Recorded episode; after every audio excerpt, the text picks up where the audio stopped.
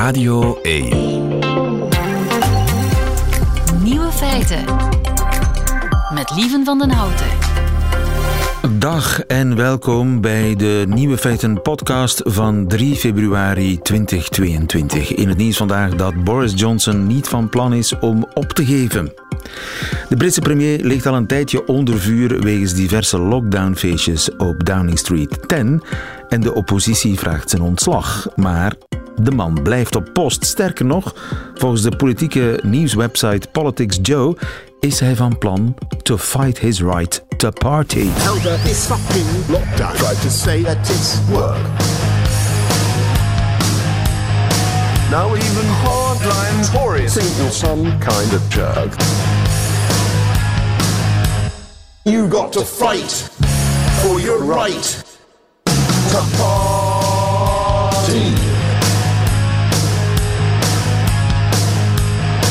That time I misled the Queen and I said no way.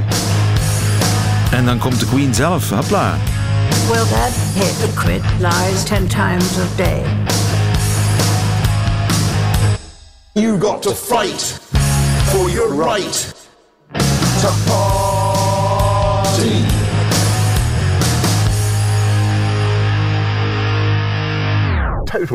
Het betere knip- en plakwerk. De andere nieuwe feiten vandaag. Waar komt toch dat Deense zelfvertrouwen vandaan, waarmee ze alle coronamaatregelen in één klap schrappen? Hoe komt het dat mensen altijd Jezus in een toast zien en nooit eens Maria? En kun je alles van karton maken, ook je meubels? Rika Ponet beantwoordt de vraag van luisteraar Lucy. Haar man doet aan, hoe zal ik het netjes zeggen, chemische oorlogsvoering. En de nieuwe feiten van Nico Dijkshoorn, die hoort u in zijn middagjournaal. Veel plezier. Nieuwe feiten. Zouden ze daar gek geworden zijn in Denemarken? Velen vragen het zich af, want sinds deze week zijn daar alle coronamaatregelen in één klap afgeschaft. Coronapas, mondmasker, afstandsregels, allemaal niet meer nodig. Wouter van Loo- Loon, goedemiddag. Een hele goede middag. Dag Wouter, jij eh, bent in Denemarken. Je bent eh, journalist bij NRC. Eh, zijn ze daar in feeststemming? Ehm, ja, dat kun je wel zeggen hoor. Ja, dus inderdaad, sinds dinsdag zijn alle ehm, regels daar afgeschaft. En op maandagavond ehm, mochten de kroegen eigenlijk nog tot 11 uur open blijven. Ehm, maar er waren heel wat kroegen die, eh, die dat ene uurtje richting de dinsdag eh, hebben overbrugd. En, eh, en een mooi feestje hebben gebouwd daar. Nachtje doorgestoken, zoals ze dat in Vlaanderen zeggen. Ja, precies. Ja, ik kon er zelf helaas niet bij zijn. ehm, omdat ik een paar dagen daarvoor zelf een positieve test had. Ehm. Dus ik zit Je bent in besmet. isolatie. Jij zit in quarantaine besmet, in ja. Denemarken. Ja, klopt. En dat is ook niet zo vreemd hoor. Ik ben echt niet de enige. Ehm, er wordt hier eh, op het moment ongeveer een procent van de bevolking eh, elke dag positief getest. Want dat is wel de keerzijde Ehm. van de medaille. Die quarantaineregels die blijven wel bestaan. Ja, ze kunnen niet meer afgedwongen worden, eh, maar er zijn nog wel adviezen. Ehm, ze zijn wel echt een stuk soepeler dan in de rest van Europa. Dus ik heb bijvoorbeeld vrij milde klachten. Ik heb wat verkoudheidsklachten. Eh, dan zeggen ze blijf eh, vier dagen in eh, quarantaine. En daarna, ook al heb je nog klachten, dan mag je er gewoon uit. Ehm, nu moet ik zeggen, ik voel me daar zelf niet zo heel fijn bij. Ook omdat mijn zelftest nog steeds positief is. Dus ik, ik blijf nog even lekker Jij binnen blijft zitten. lekker binnen.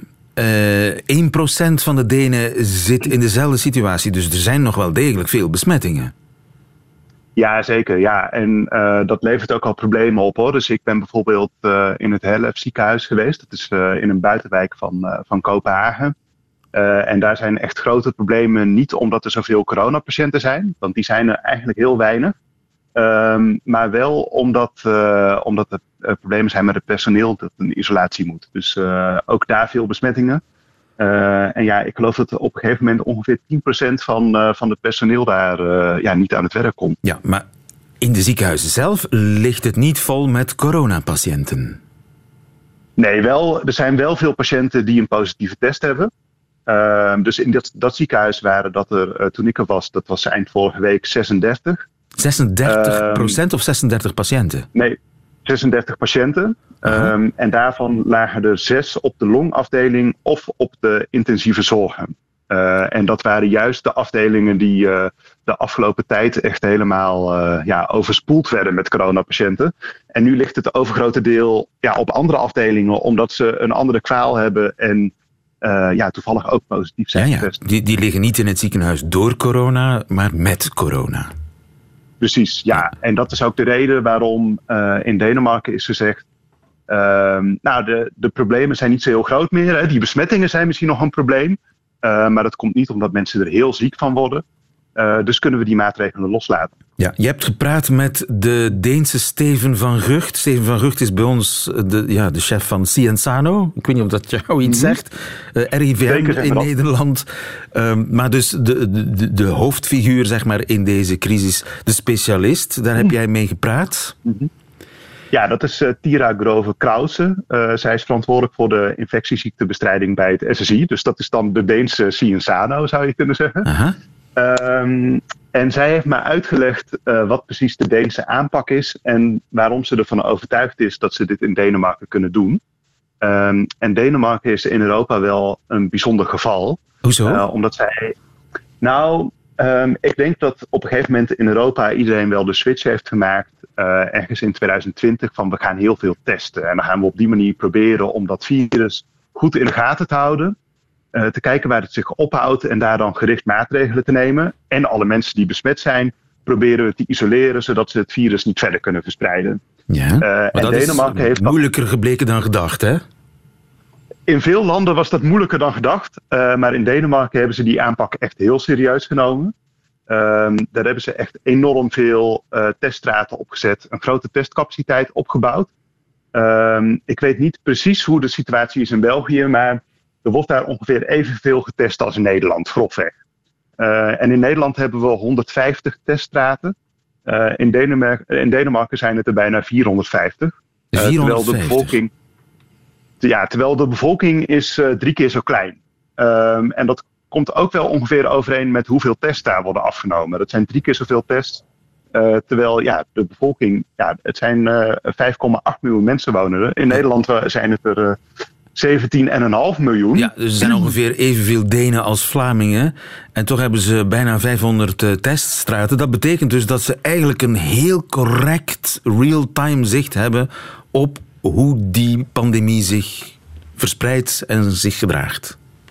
Precies. Um, en op basis daarvan kunnen ze dus. Nou, aan de ene kant heb je dus die mensen die gaan in isolatie en kunnen dus niet meer verder verspreiden. En dat zijn dus veel meer mensen dan in de rest van Europa die ze weten op te sporen en weten te isoleren. Um, en aan de andere kant weten ze ook heel goed wat, hoe dat virus zich gedraagt. Dus ze weten in welke sectoren het bijvoorbeeld rondgaat. Uh, maar als er een nieuwe variant is, dan weten ze dus ook heel snel hoe besmettelijk is deze variant, hoe uh, ziekmakend is hij. Um, en wat moeten we hier precies aan doen om die variant uh, ja, zo goed mogelijk af te stoppen? Maar testen ze elke um, test om te zien welke variant het is? Ja, zeker. Ja. Um, nu is het aantal tests zo hoog dat het niet meer uh, voor de volle 100% lukt. maar dat, daar zijn ze heel lang in geslaagd. En ook nu nog uh, praktisch alle tests weten ze van welke variant is dit. Gaat dit bijvoorbeeld om, om de Omicron variant of om de Delta variant? Um, ja, en dat levert natuurlijk heel waardevolle informatie op. Ja. Uh, en die gebruiken ze om, uh, nou, bijvoorbeeld uh, om te zeggen, we, we, moeten nu heel snel um, onze vaccinatiecapaciteit ophogen om een nieuwe campagne te beginnen. Juist. Dus eigenlijk het, het geheim van hun zelfvertrouwen is hun gigantische testcapaciteit. Precies. Ze weten precies waar het, uh, waar het virus rondgaat, wie er in het ziekenhuis terechtkomt, of die personen zijn gevaccineerd, hoe lang dat geleden is geweest, of ze eerder besmet zijn geraakt. Um, en ja, wat dus uh, Tira Grover Krause zegt, is: uh, ja, wij weten precies wat er nu aan de hand is. en we zien dus ook dat deze Omicron-variant, dat dat dusdanig meevalt dat we alle maatregelen los kunnen laten. Ja, wij kunnen ons eigenlijk ons voordeel daarmee doen, want Denemarken loopt een week of drie, wat is het, voor in de pandemie. Dus wat uh, hun kennis kunnen wij in ons voordeel gebruiken. Ja, nu heeft Denemarken ook wel uh, wat voordelen ten opzichte van in elk geval Nederland. En ik denk dat dat ook wel voor België geldt. Um, ze hebben een iets grotere of hogere vaccinatiegraad. Um, en dat geldt ook voor de boosters, dus de derde prik. Um, en daardoor eh, ja, hebben zij een iets hogere immuniteit opgebouwd. Ja, ik denk dat onze, Ehm. onze boostergraad wel vergelijkbaar is. Dat moet ik even checken. Maar eh, in ieder geval, ze, zijn daar, ze slapen daar op hun beide oren. Die eh, Tira Grove Krause, die, die chef van de Deense Cienzano, die, die is er helemaal gerust in. In elk geval voor eh, de komende maanden, ja. En zij denkt ook dat bijvoorbeeld volgende winter, dan verwacht ze wel weer een, eh, een nieuwe besmettingsgolf die misschien ook wel voor eh, meer opnames in de ziekenhuizen kan zorgen. Ehm, maar zij is ervan overtuigd dat ehm, eh, met misschien een nieuwe vaccinatieronde, dat dat te behappen is zonder heel erg strenge maatregelen. Laten we hopen dat ze gelijk heeft. De hele wereld kijkt naar de Denen en, zien, eh, en hopen dat het daar eh, goed gaat. Maar ze hebben er alle vertrouwen in daar. Dankjewel. In eh, Denemarken voor ons Wouter van Loon. Goedemiddag. Graag gedaan. Vraag het aan Rika.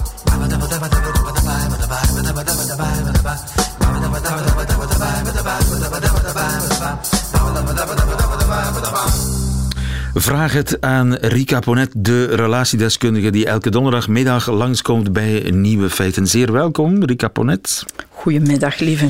Heb jij zin in een probleem, Rika? Want ze komen hier massaal toegestroomd op uh, nieuwefeiten.radio1.be. Absoluut, ik luister. Post gekregen van Lucie. Lucie schrijft... Ik ben negen jaar samen met mijn partner en we hebben twee dochters van zes en vijf. Gefeliciteerd, Lucie. We komen uit een nogal verschillende achtergrond, schrijft ze, met toch ook een verschillend waarden- en normenkader. Er zijn dingen waar ik makkelijk overheen kan kijken. Hij is nogal gierig, terwijl ik net een levensgenieter ben. Maar met één ding heb ik het bijzonder moeilijk. Hij laat de hele tijd winden. Ja, Rika. Oké. Op een manier alsof het een prestatie is. Als ik zeg de hele tijd, dan is het ook de hele tijd. Te pas en te onpas heft hij zijn bil op en laat hij echt luide en meestal ook stinkende winden, zelfs ostentatief in mijn richting. En als ik er iets over zeg, haalt hij zijn schouders op. Hij doet het gewoon verder en vindt het op de een of andere manier zelfs grappig. Ik durf er niet echt op door te gaan. Hij is nogal dominant, heeft een kort lontje en is gewoon dat er in eerste instantie aan zijn behoeftes tegemoet gekomen wordt. Ik verzet me daar alsmaar meer tegen, maar voorlopig is het een stil verzet. Ik vind het ook niet kunnen als voorbeeld voor onze kinderen. Soms verlaat ik gewoon de kamer of stop ik met eten, zo gedegoûteerd ben ik. Op zo'n momenten verwijst hij alles naar onze hond, die inderdaad ook nogal winderig is. Dat ik het van die hond wel verdraag, maar niet van hem dus. Wat ik uiteraard een belachelijke vergelijking vind. Het is een dagelijkse ergernis geworden en ik weet niet hoe ze te doorbreken. Voilà, Rika, voor alle duidelijkheid, dit is geen verzonnen brief. Nee, absoluut niet. Um, ja, en ik denk dat het wel iets herkenbaar is voor velen onder ons. Um, het blijft zoiets waar we moeilijk, een beetje een taboe bijna. Hè. Um, het, het, is wel, vind ik, een soort relatietest. Als je, of als je echt intiem bent met elkaar, kun je scheten laten. Ja. Nee? Dat is een, een vaak... Uh... Ja, ik, uh, dat uh, absoluut. Hè. Ik, bij bij, bij, bij ja. niemand, je laat in, in niemands omgeving laat je een, een wind, scheet. Ja, behalve, behalve, bij iemand waarbij je echt heel erg thuis ja. voelt. En het, het, um, het is ook een vorm van totale acceptatie van de andere. En um, het wijst inderdaad, als dat niet in dit verhaal, maar um, als dat goed zit tussen twee mensen, op een een uh, vorm van lichamelijke intimiteit ook. Um, ook het aanvaarden van alles wat een lichaam uh, verlaat, hè, want daar gaat dat ook een stuk over. Um, menstruatie bij vrouwen. Um, je hoort dat ook wel vaker. Hè. Kan het bijvoorbeeld, uh, als je in de badkamer een toilet hebt, dat de ene zijn tanden aan het poetsen is en de ander op het toilet zit. Hè. er zijn koppels die dat oké vinden. Anderen vinden dat eigenlijk de dood van elke vorm van romantiek. Dus, um, en ik denk voor dat, beide valt wat te voor zeggen. Voor beide valt wel wat te zeggen. Voor het ene is het toppunt van romantiek, misschien ja, wel. Voor, voor de ene is het de, het toppunt van totale acceptatie, jezelf kunnen zijn, veiligheid in een relatie. En voor de andere is het, ja, het, het te veel laten wegvallen van bepaalde soorten van decorum of niet genoeg je best doen voor de andere. Hè. Dat is zoals ja, hele dagen alleen nog in je pyjama rondlopen of op slippers um, en um, ja, niet meer je best doen om de ander een beetje te behagen, tegemoet te komen, uh, is, op je best te zijn. Die twee verschillende visies of dat op, op twee verschillende manieren aanvoelen van ja, dat winden laten, is dat hier aan de hand met Lucy en haar echtgenoot? Um, ja, het is duidelijk dat het hier over iets anders gaat. Ah. Hè. Um, inderdaad, hè, hij laat winden alsof dat, dat de normaalste zaak van de wereld is en de andere uh, dat ook maar zo moet vinden, alsof dat hij heel erg op zijn gemak is bij haar.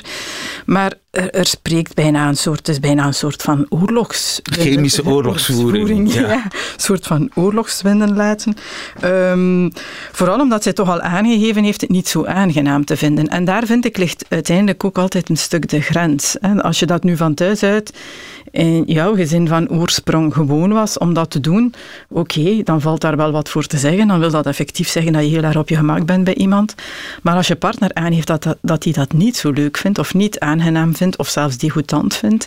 Is ja, het maar een kleine moeite om het ja, niet te doen? om daar een inspanning rond te leveren. En het feit dat hij die inspanning weigert te leveren, toont toch dat hij... Uh, ja, daar, daar spreekt toch een vorm van disrespect uit naar, uh, naar zijn partner toe. Um, Wat moet ik doen?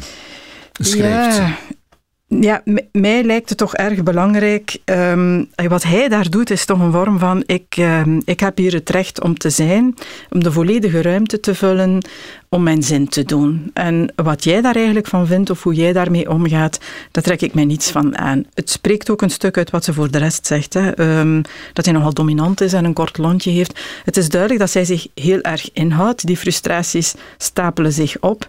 En uh, ja, dat het absoluut wel een goed idee is om dit alsnog opnieuw ter sprake te brengen. Er is ook maar één manier om dat te doen en dat is door het effectief uit te spreken en te vragen kijk, als we aan tafel zitten of um, ja, het, het uh, naar mij richten ook van jouw bil als je een wind laat, ja, dat, dat vind ik echt oorlogsvoering. Dat doe je toch gewoon echt niet. Um, je kunt ja, niet met gelijke munt terugbetalen. ja, misschien uh, komt zij uit een gezin waar dat, dat absoluut not done was. Iedereen laat winden, hè, lieve. Iedereen heeft, uh, dat is nu eenmaal een, um, iets wat deel uitmaakt van hoe een menselijk lichaam functioneert. Maar je kan effectief wel vragen aan je partner, kan je dat alsjeblieft buiten doen of op het toilet of in een andere ruimte. En ik begrijp dat je winden laat, ik begrijp dat je winderig bent, je hoeft dat niet op te houden, krijg je alleen maar buikpijn van, is ook niet gezond. Maar alsjeblieft, uh, doe ja, het. Uh, maar hier is meer aan de hand dan... Uh... Ja, en dan kan je wel de vraag stellen... Um, op welke andere domeinen in hun samenzijn uh, wordt zij gerespecteerd of krijgt zij kans om zich te tonen of om mee te bepalen wat er gebeurt. En dan vrees ik ervoor dat heel dit verhaal rond Winden, dat dat uh, gewoon exemplarisch is voor de verhouding die er tussen hen bestaat en dat zij zich naar alle waarschijnlijkheid de hele tijd aanpast, uh, zich pleasend opstelt en te weinig opkomt, letterlijk en figuurlijk, maar ook letterlijk, voor wat voor haar de grens is. Want daar gaat dat over. En ik zeg dat heel vaak. Mensen zeggen, ja, dat is toch, dat is toch ver voorbij een grens. Uh, er is geen grens, want ze geeft ze niet aan. Ik denk dat dat superbelangrijk is. Dat ze toch effectief durft te zeggen kijk, ook in bijzijn van de kinderen, voor mij werkt dat niet, dat gaat niet. Ik word daar ongemakkelijk van. Ik zou echt graag hebben dat je daar rekening mee houdt. En de, de reactie daarop, ja, dat is dan aan haar om daar conclusies uit te trekken, denk ik. Ik hoop dat uh, Lucie dit uh, verhelderend vindt. Uh, zijn er nog vragen voor Rika? Ze zijn welkom op nieuwefeiten.radio1.be. Tot volgende week. Nieuwe feiten. Van den Houten. Nooit verschijnt Maria op een toast. Het is meestal Jezus. En in Australië is nu onderzocht hoe dat komt. Jelle Dummanet, goedemiddag. Goedemiddag. Je bent eh, cognitief psycholoog, neurowetenschapper ook, eh, onderzoeker aan de Hogeschool West-Vlaanderen. Kennelijk houdt Maria niet van toast, Jezus wel. Om de zoveel tijd verschijnt eh, de, de Zoon Gods op een sneegeroosterd brood. Heb jij hem ooit al gezien? Nee, ik heb Jezus nog nooit gezien op een toast. Misschien wel andere gezichten, maar geen uh, Jezus. Maar dat andere gezichten wel, hè? Ja, want iedereen die heeft al wel eens een keer een gezicht gezien. Uh, niet alleen in een toast, maar ook op, op een wolk of in een boom of een aardappel. Uh, maar uit dat onderzoek in Australië blijkt nu dat in dagelijkse voorwerpen herkende gezichten, dat dat altijd mannengezichten zijn. Ja, bijna altijd, inderdaad. En een hele opvallende bevinding toch. En hoe hebben ze dat onderzocht? Ja, ze hebben mensen eigenlijk, duizenden mensen hoor, het is een heel groot onderzoek geweest. 4000 mensen hebben ze 200 foto's van zo'n objecten met gezichten, waar je gezichten in zou kunnen zien, getoond. En ze hebben dan bepaalde zaken bevraagd. Hè. Welke emoties zie je op dat gezicht? Zie je een gezicht ten eerste, want niet iedereen ziet eh, altijd een gezicht maar ook het geslacht en de leeftijd. Wat vond men? Ook interessant, vooral jonge leeftijden gaat men gaan zien in zo'n gezichten. Maar in de 90% van de gezichten werden aan het mannelijke geslacht uh, toegekend. 90%, dus dat is gigantisch veel, hè? Ja, dat is gigantisch. Uh, en ik denk dat ze dat ook niet, niet verwacht hadden, dat het zo'n effect is. Dat is ook iets die in de psychologie... Zo'n effecten zijn ook heel moeilijk te vinden. Dat, zij, dat moet echt een heel, een heel duidelijke en heel sterke reden hebben waarom dat, dat uh, zo is, ja. En wat leren we daarvan? Ja, ik denk dat we daar verschillende dingen uh, kunnen uit leren. We moeten misschien eerst eens teruggaan naar waarom dat, dat effect eigenlijk zo sterk is. Hè. Dus in onze hersenen hebben we eigenlijk een gebied die specifiek uh, is ontwikkeld om het om herkennen van menselijke gezichten. Dat is iets dat, we heel erg, dat heel erg uniek is voor de mens en enkele primaten. Ehm, en dat heet de fusiform face area. Dus dat is een, een, een, gebied eigenlijk in de vorm van een spoel fusievorm, eh, betekent het spoel. Wat uitleg over de naam. Um, en dat is specifiek ontwikkeld om het herkennen van gezichten. En dat, dat toont eigenlijk aan hoe belangrijk dat bij de mens het herkennen van een gezicht is. Eh, waarschijnlijk, eh, en hoogstwaarschijnlijk, is dat evolutionair gegroeid. Hè. Het was interessanter om, makkelijk, om een gezicht te herkennen. Uh, of interessanter om een gezicht te herkennen als er geen gezicht is, dan als er wel een gezicht is, geen gezicht te herkennen. Hè. Misschien was het gevaar, of was het een, een, tegenstander of een vijand.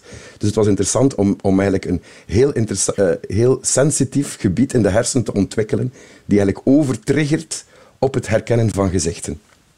Dus uh, je hersenen vullen een gezicht aan als ze maar een paar elementen zien. Ja, een andere studie heeft aangetoond dat het niet enkel het patroon is van het gezicht die die activatie van dat gebied eigenlijk gaat sturen, maar ook de interpretatie van een gezicht. Dus de subjectieve ervaring van het herkennen van een gezicht heeft daar een belangrijke invloed in. En dat, en ik denk, nee, het is een lange aanleiding naar, mij, naar, u, naar een antwoord op uw vraag, is um, dat zorgt er eigenlijk voor dat er daar culturele en andere biases een invloed kunnen op hebben op die interpretatie van dat gezicht. En dat betekent dat uh, wij nog altijd uh, het standaardgezicht beschouwen als een mannelijk gezicht. Dus blijkbaar, hè, dus de, de, onderzoekers in deze, in deze studie van Queensland hebben ook verschillende controlestudies gedaan. En blijkbaar is het standaard, dus de default interpretatie van een gezicht, is een mannengezicht. Als enkel als er hele specifieke kenmerken, zoals rode lippen, een oorbel, uh, werd toegevoegd, dus visuele features werd toegevoegd aan, aan, een, aan een gezicht, dan pas gaan mensen meer de neiging hebben om daar een vrouwelijke uh, geslacht aan toe te kennen. Dus het, is, um, ja, het toont ons wel inderdaad hoe dat wij eigenlijk gegroeid zijn, hoe dat toch de basis uh, interpretatie van een gezicht nog altijd man, een mannelijk gezicht is. En dat toont toch wel aan hoe dat wij als maatschappij toch nog altijd een stukje gebiased zijn naar uh, mannelijke uh, karakteristieken. It's a man's world. En dat blijkt ook uit het gezicht dat we op een toast zien. Inderdaad. Zou het niet aan het gezicht zelf kunnen liggen? Dat, dat een, een vrouwelijk gezicht ja, moeilijker na te bootsen is? Ik probeer maar wat. Oh, nee, want zelfs als je kijkt naar de emojis die we gebruiken online, dat zijn emojis, dat zijn ronde gezichten. Die, die zijn, je kunt daar moeilijk mannelijke karakteristieken aan toekennen als je daar naartoe kijkt, maar toch een emoji zonder lippenstift, zonder uh, oogwimpers, gaan de meeste mensen automatisch als een mannelijke emotie gaan, gaan categoriseren. Dus het is echt een, een culturele bias die, denk ik, die wel gegroeid is doorheen onze evolutie. Het is natuurlijk ook zo, het, het, het, het verdelen van mensen in verschillende genders hè, is eigenlijk in onze evolutie een redelijk recent gegeven. En eigenlijk heeft onze anatomie zich daar nog niet kunnen aan aanpassen. Dat, dat gaat eerder over duizenden, miljoenen jaren verlopen, terwijl onze culturele evolutie van nu toch meer te focussen op de verschillen tussen mannen en vrouwen, dat dat eigenlijk iets eh, eh, relatief recents is. En ik denk dat dat een belangrijke ja, kanttekening is dat we daarbij moeten gaan maken. Ja, dus dat, eh, het zal nog wel een, paar, een tijdje duren voor we daarvan afgeraken. Ja, ik denk als we ons daarvan bewust zijn, hè, zoals we vandaag daarover over praten en over nadenken, en daar gewoon bij stilstaan van ja, waarom noemen we de maan Janneke maan en niet Mieke maan? Dat dat ons toch ook laat nadenken van, en ons bewust laat maken van onze biases die we toch uh, constant nog uh, ervaren. Jelle de Manet, dankjewel. Ja, Goedemiddag. Nieuwe feiten. Als het van Timo Kren afhangt, is de toekomst van karton. Goedemiddag, Timo. Goedemiddag. Je bent van Cartent, of Cartent, een Nederlandse start-up die alles van karton wil maken. Ja, dat klopt. En dat uh, ja, doen we eigenlijk al een tijdje.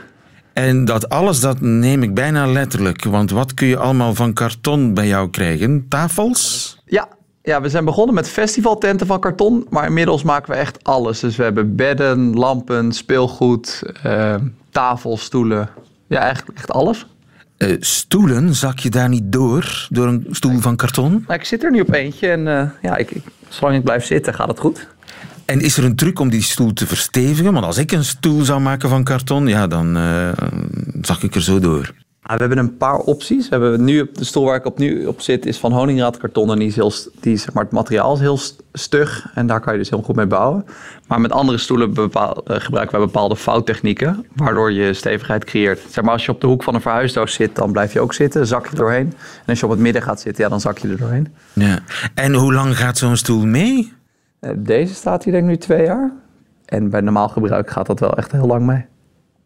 Merkwaardig. En uh, hoe kan je een glijbaan maken? Dat, dat lijkt mij een heel ingewikkeld uh, architecturale krachttoer. Ja, nou de glijbaan is eigenlijk um, een beetje gebaseerd op een wijnrek. Dus onder het glijgedeelte zit, zit een, een raster van karton. En dat verdeelt het gewicht. En er ligt dan een schuine plank op waardoor er af kan glijden. Ik, we hebben een winkel gehad en ik heb daar regelmatig van de glijbaan gegleden, zeg maar. En waarom karton? Nou, we zijn begonnen met de kartonnen festivaltent eigenlijk omdat iedereen een plastic tent achterliet op festivals. En dat zo'n onzinnige hoop plastic is die alleen maar verbrand kan worden. Um, en dat is eigenlijk niet alleen op festivals, maar dat is met alles. Je koopt een, een, groot bed uh, van, of een kinderbed en, en een paar jaar later weer een groter bed. En dan wordt dat kinderbed bij het oud vuil gezet en dan wordt het verbrand.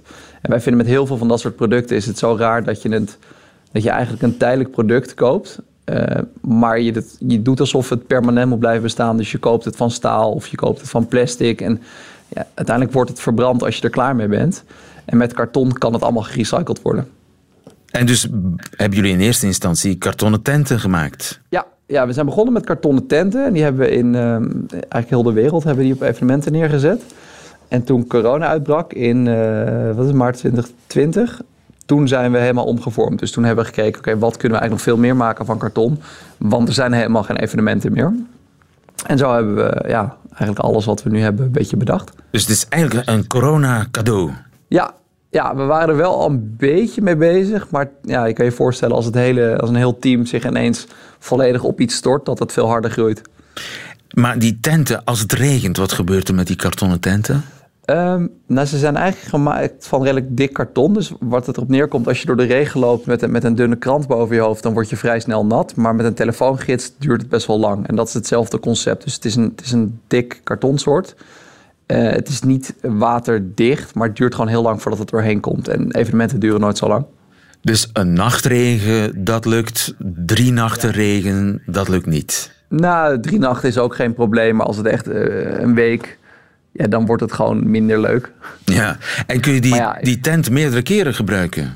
Nou, wat wij uh, doen is na gebruik worden de tenten teruggehaald. En dan snijden we van die tenten nieuwe producten die weer op festivals neergezet worden. Dus, dus worden gerecycled. Ja, nou, wij noemen dan upcyclen, want voor recyclen wordt het materiaal tot pulp uh, gemaakt om er nieuw karton van te maken. Maar wij snijden rechtstreeks uit het oude karton. Dus het is een heel duurzaam, milieuvriendelijk idee. Ja, ja. Want we hebben bijvoorbeeld een Belgisch festival waar veel, uh, ja, met een kinderfestival, Wonderweekend. In, uh, in Meis is dat. En het concept is daar dat de kinderen, of dat, je komt daar met je ouders, met je kinderen. En het concept is dat je je tent helemaal verft. En wat je dan, dus wij krijgen na dat festival hebben we 1500 of 2000 hem, prachtig beschilderde tenten krijgen we terug. Ja, en wij kunnen van die tenten maken we dan prullenbakken voor op dat evenement. Dus dat is eigenlijk wel heel gaaf dat je dan het jaar daarna op, op, op Wonderweekend komt en je ziet je eigen tent daar staan in de vorm van een prullenbak nu. Ja, en hoe gaat het met het bedrijf? Want jullie zijn natuurlijk ook een commercieel bedrijf. Hoe zit het daarmee? Het gaat steeds beter. We hebben het eerste coronajaar wel echt eigenlijk heel erg moeten vechten om, uh, om niet failliet te gaan. En dat is ja, we hebben alles van karton gekocht. Dus uh, verhuisdozen, platen van karton. Het was eigenlijk vooral, jongens, we moeten omzet draaien. We moeten niet failliet gaan.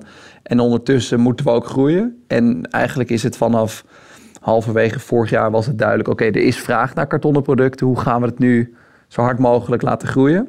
Ja, en dat gaat steeds beter. Dus het is nu in Nederland hebben we best wel een mooie samenwerking met Beter Bed, uh, met grotere partijen om. En eh, ja, je merkt dat mensen daardoor steeds meer vertrouwen hebben in het product. Ja, ik zit dus maar te zoeken naar nadelen, Timo. Hoe zit het met brandgevaar? Wat vindt de brandweer van jullie kartonnen eh, kasten en lampen? Ja, lamp, warmte. En, en dan die combinatie. Ja, maar, maar tegenwoordig is het natuurlijk allemaal ledlampen. Dus daar komt geen warmte meer vrij. Uh, met de tenten hebben die vraag heel vaak gekregen. En uiteindelijk is het, uh, ja, het brandt niet zo snel. Het is best wel dik karton uh, en het brandt niet zo snel. en ja, uiteindelijk met een bed. Ja, als iemand zegt, ja, maar als mijn bed, als dat in de brand gaat. Ik zeg maar, als je bed in brand gaat, dan zou een normaal bed ook. Dan gaat in ieder geval je bedden goed branden. En dan gaat de rest vanzelf wel een keertje mee, zeg maar. Dus met heel veel binnenhuisproducten, ja als een kinderspeeltuin in brand gaat, ja, dan moet je je kinderen beter opvoeden, want dan moeten ze niet met nastekers spelen, zeg maar. Timo Kren, eh, veel succes met Kartent. Dankjewel, goedemiddag. Ja, dankjewel. Fijne dag nog. En dat waren ze, de nieuwe feiten van vandaag, 3 februari 2022. Alleen nog die van Nico Dijkshoren nu in zijn middagjournaal. Nieuwe feiten. Middagjournaal. Beste luisteraars, twee dagen geleden deed ik hier een oproep. Ik vroeg of u met mij wilde dansen. En dan niet zomaar een beetje in de rond te hossen. Nee, echt dansen, precies tegelijk op een liedje van The Temptations of The OJ's. Zoals ze vroeger dansten, met mooie pakken aan, lachende gezichten en ondertussen allemaal prachtige bewegingen maken met de armen. Ik heb overweldigend veel reacties mogen ontvangen. Iedereen in België lijkt met mij te willen dansen. Hartverscheurende mails heb ik ontvangen. Beste Nico, natuurlijk wil ik met jou dansen. Ook ik heb heel veel haar en ik lijk toch kaal.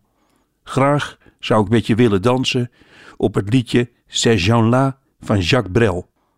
Luisteraars, ik heb dat liedje zojuist midden in mijn kamer afgespeeld en geprobeerd te dansen. Tanja kwam binnen en zij dacht dat er iets vast zat in mijn keel. Veel te dramatisch en vooral veel te langzaam. Het is heel lastig dansen op een liedje met 12 beats per minute. Ik heb ook heel veel mails mogen ontvangen van mensen die mij dansverhalen uit hun verleden vertelden. Beste meneer Dijkshoren, ook ik wilde ooit eens een keer gezellig met iemand dansen. En nu heb ik vier kinderen, een dubbele hypotheek en een ijzeren long. Let eens goed op met wie u gaat dansen. En luisteraars, zo gaat het maar door. Een fantastisch verhaal ook van een vrouw uit Leuven die al 76 jaar niet heeft gedanst. Ze droomt ervan dat vlak voor haar heen gaan een andere mens nog één keer zijn of haar lichaam tegen haar aandrukt. Ik heb haar helaas moeten vertellen dat er bij mijn dansje geen lichamelijk contact is. Ik heb haar gezegd: ga zogenaamd in de rij staan bij het postkantoor en druk uw lichaam tegen de postzegelverkoper vlak voor u. Luisteraars, het was heel lastig, maar uiteindelijk heb ik toch gekozen voor vijf Belgische vrouwen van rond de 32 jaar, waarmee ik ga dansen op het liedje The Tears of a Clown van Smokey Robinson and the Miracles. Ik schat dat we daar ongeveer vijf maanden dagelijks op moeten oefenen. En zoals dat gaat, Als je iets in dit veelbeluisterde programma bekend maakt, is er ook belangstelling van de televisie. Zij willen er meteen weer een langlopende show van maken onder de titel So You Think You Gonna Dance with Nico Dijkshoorn. Luisteraars, ik twijfel. Want het liefst ben en blijf ik toch voor altijd u voor zich uit murmelende mannetje van de radio.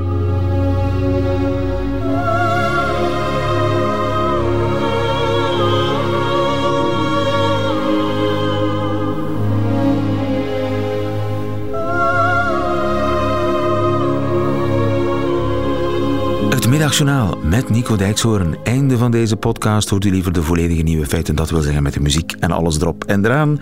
Dan kunt u natuurlijk live luisteren naar Radio 1 elke werkdag tussen 12 en 1 of on demand via onze website of via de Radio 1 app. Tot een volgende keer.